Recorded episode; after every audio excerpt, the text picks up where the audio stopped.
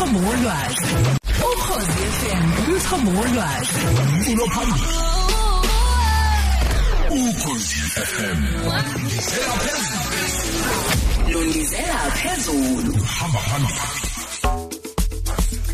7 minutes to 8 kwana umsakazo ukhozi. Advocate sikubingelele sikwamukele. Awubekelele sesiqonqeko ngibekela abela abahle bokhoze FM. advocate namhlanje sibheka indawo et- ethanda ukuthi ibe bucayi. Uyawuthola ukuthi esikhathini samanje uzothola ukuthi mhlawumbe umuntu bekade eshadile eh wathola umntwana wasephinde seshada futhi.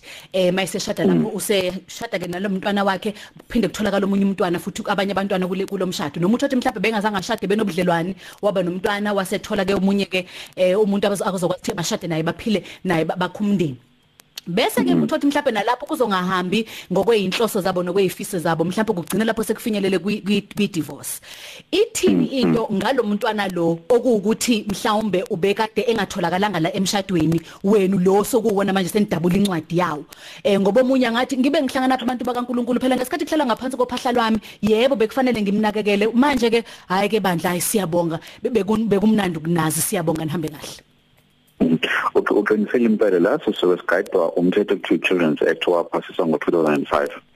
Usection 38 wakhona ubeka njengobusho nje ukuthi cha mase kuthiwa seshadile izingane zethu sobabili noma ngabe kuthiwa siyithole ngaphandle lezothatha njengokuthi izingane zivele ngala ngaphakathi emshadweni.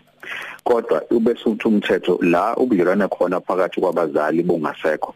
Wena mzali othi awusafuna ukuassociatewa nengane le kade uyithathile eqaleni mhlawumbe noma uyiadoptile.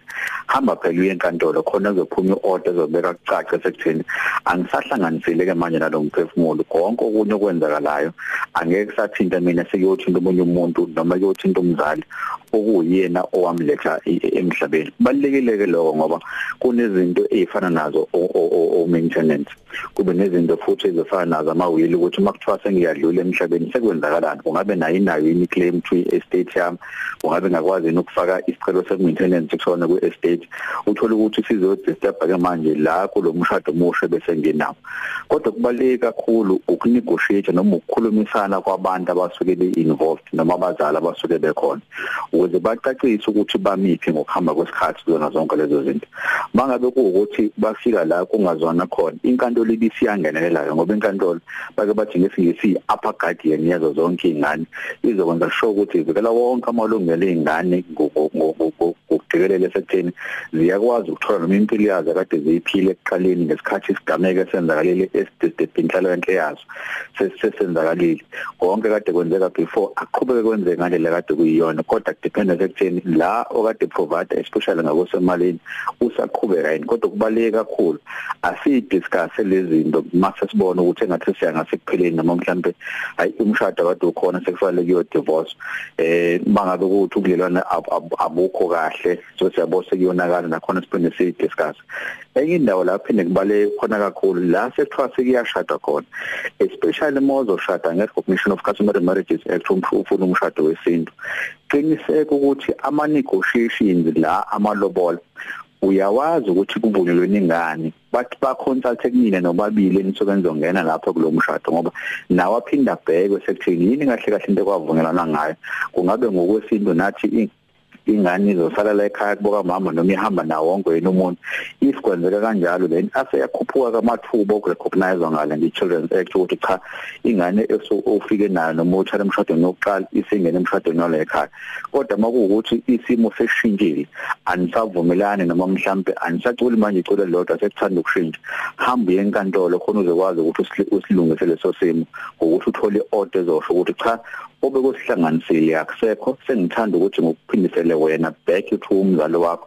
Uyena uzobe sethatha ke ama responsibilities akho ngokwe Children's Act. Uyena uzobe seyaqhubeka bese yokondla ngokuhamba kwesikhathi. Ngiyazibuza la eh advocate ngoba uyawuthola ukuthi kuhlukana kabili. Uthola ukuthi mhlawumbe omunye ingane eh akube ukuthi nje ngiyafika nengane yakampungose ngishade eh kakazikalala kube mnandi kube nje ya iqhubeka ibe umpungose ingane sihlale kube mnandi kube nje ngiwume sisizikalala. Kokunye uthola ukuthi uzothi uzikalala chaba kithi ke yabona ekhaya ngeke sibe nezibonge eziningi. Eh upho babole ngane hayi akasesiyona ingcenye yempilo yethu. Okay ingane ngiyayithatha ke ishintsha isibongo iba iyakazikalala ke umndeni owodwa esisodwa la kuzoba nesibongo esisodwa. Esimweni esifana naleso lo muntu usuke seyiadoptile leyo ngane kukhona uhlelo lakho elilandelwayo uma seyiadoptile esethi ithi yena ke manje ithi zikalalo usengabuya jike futhi athi hayi cha phela yeye wakazikalalo ngoba nawo wawo wakazikalala lezo zikade. Sengibuyela kaMkenzi manje. Okay asihlukaniseke i-children's act iyahlukanisa phakathi koku-adopta neloku esobe sikwenza ukuthi abukho ubuhlobo nobudlelwano obukhona. Eh kuthathwa ingane ebitholakala mhlambe e, e, ehlala ku-orphanage. Bese sithi ake siyithathe ngobe yethu. La iyona process ye-adoption ezokuthi recognizwe enkantolo ngokuphelele. Lesishonye namanje inkantolo iyayazi noma iyayazi ukuthi cha kuzoba khona izimo la kuzofika khona umuntu. Bangafuni ukuya enkantolo kube khona iphepha lizophuma ezothi you are the adopted child noma the adopted parent iyalengane lesi osokuthi uhleli nawo njengamanje. So it is automatically presumed ukuthi uzobe usungena khona. Kuyona usection 38 u section uthanda ukuthi ube bucayi kakhulu ngoba ayiwafuna ama processes amaningi. Ithi nje once kwahlala sahlala sonke saya la ekhaya. Acceptana ukuthi abazali sebeshadile. Zonke lezi ngane thina ngokwethu umqondo sithi sezibelonga ngakuthina. Yebo sekwezethu ama parental responsibilities nama duties abhalwe as children act azobe sengena kuthina. Ukondliwa nokubenefit amakuthiwa khona odlula emhlabeni nakhona yona izobe siya benefita ngokuphelele. So if ungasakufuni lokho ukuthi akwenzeke phindela back to inkantolo so awuvalanga umnyango completely. Bese uyothi inkantolo eh ngesikhathi singena emshadweni yonke into iyayinhle kodwa manje engathi sekushintile kule bladini sengicela ningikhiphe iorder elizosho ukuthi le ngane kuya kaMpungose ayingeni la kazikalana angikwenzi ngoba nako ngingayithandi kodwa ngenzela ukuthi khona uzokwazi ukuthi mayefuna ukuyoclaim ku-estate claim kuphi mayefuna uclaim maintenance ikwazi ukuthi iclaim kuphi. Mina obekuhlanganisile nayo akusekho.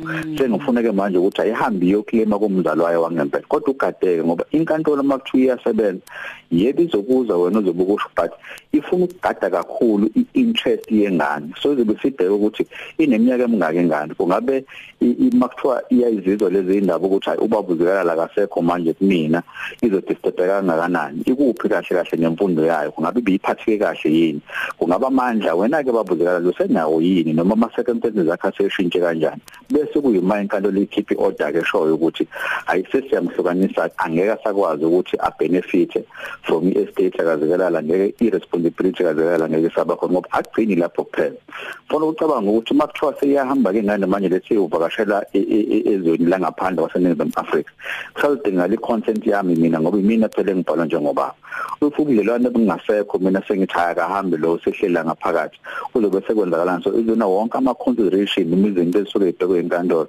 Kodwa kubaleka kakhulu asibheke thina abazali kuqala ukuthi zizohamba zibe ne-impact engakanani bese siyazilungisa kuqala singakafike singakafiki lo ma challenges ngokuhamba kwesikhathi.